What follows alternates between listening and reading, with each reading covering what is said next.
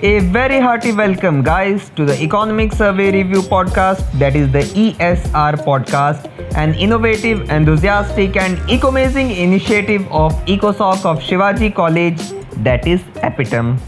This is your host Bhuvan Krishna, and I would like to introduce you to our guests this eve, Chirag and Rashi. So, guys, today we will strive to understand the unique backdrop on which the 2021 survey took place, that is the elephant in the room to say COVID 19, evaluate the efforts and the policies to tackle the situation and the inferences that we can draw from them.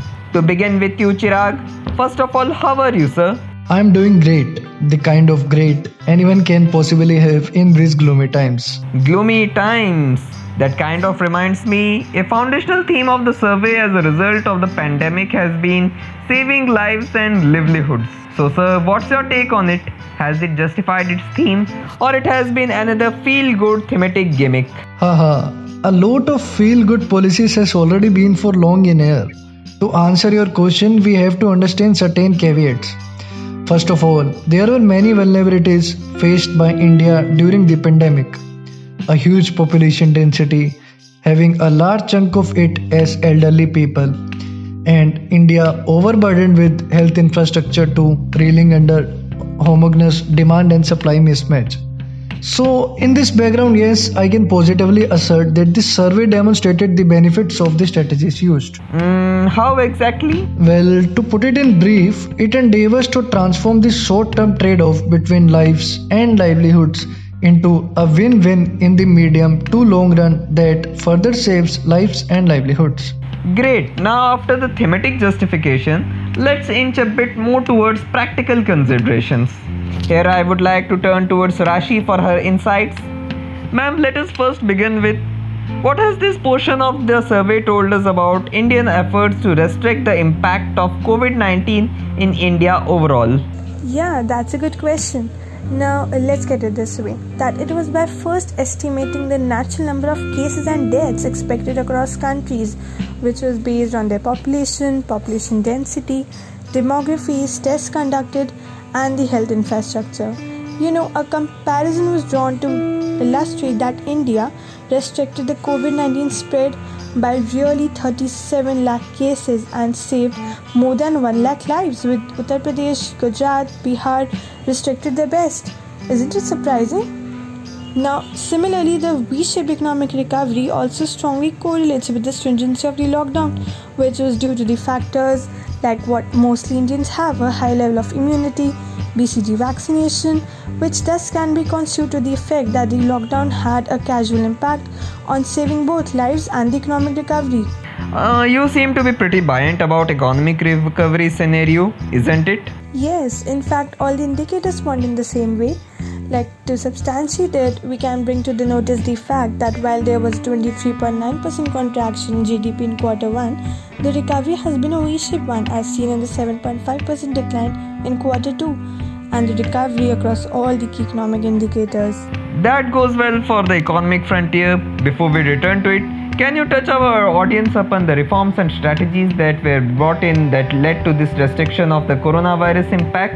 Oh, yeah, you reminded me of those multi pronged strategies that were proved fruitful and were implemented on multiple frontiers. Some of those viable strategies were active surveillance, early detection, isolation, case management, contact tracing, and how can we forget practicing social distancing and safety precautions? Now, along with these, there were various non pharmaceutical interventions, which we call as NPIs, such as lockdown, closure of institutions, non essential business, travel restrictions. Now, these all aim to slow down the transmission of infection and also to flatten the curve. Basically, it had two strands working together. Hmm, that to sum up in concise, we can say that the two strands were for exactly yeah, to sum up, the two fundamental strands of strategies that were implemented were first, mitigation, and the second one was suppression. The former focuses on slowing the pandemic by reducing R0, basic reproduction number, and the second one, suppression, which aims to reverse epidemic growth by reducing R0 below 1. Cool, cool. Apart from these implemented strategies and measures, do the survey indicators point towards any particular positive behavioral change among the masses as well? Yes, yes. On a cursory glance, one can infer that due to COVID 19, hand washing and basic hygiene has received attention once more after nearly 170 years. Hand washing is considered a proven and among the most cost effective public health interventions along with vaccination. It was also recognized in the Swachh Bharat mission too. That's a pretty silver lining in the most grayest of the background I have ever seen. Anyways, to sum up with this survey as base, according to you, Rashi, what's your take on the India's efforts with regard to the novel coronavirus in a holistic way, such as stringent lockdown measures? Now we have to understand it this way that India was amongst the first of the countries that imposed a national lockdown when there were only 500 confirmed cases. Now, as we all know, the stringent lockdown in India was from 25th March to 31st May, and it was necessitated by the need to break the chain of the spread. It was necessary to scale up the necessary medical and paramedical infrastructure. Now, for what? For expanded testing, active surveillance, contact tracing, and educating citizens about social distancing, masks, etc. Now, let me tell you this fact that India took 168 days to reach first 10 lakh cases due to the stringent lockdown that flattened the curve and pushed policymakers to build up the testing and the health infrastructure. It reached its first peak in mid September with loading daily new cases. And what about your take on it, Chirag? Well, the analysis in the chapter made it evident that India was successful in flattening the pandemic curve, also pushing the peak to September. India managed to save millions of lives and outperform the pessimistic expectations in terms of cases and deaths. It is the only country other than Argentina that had not experienced a second wave. It has among the lowest fertility rates despite having second largest number of confirmed cases. Recovery rate has been almost 96%. India thus seems to have managed the health aspect of COVID-19 as well. Now the feel good factor has started sinking in. It seems that we have concluded on a positive note.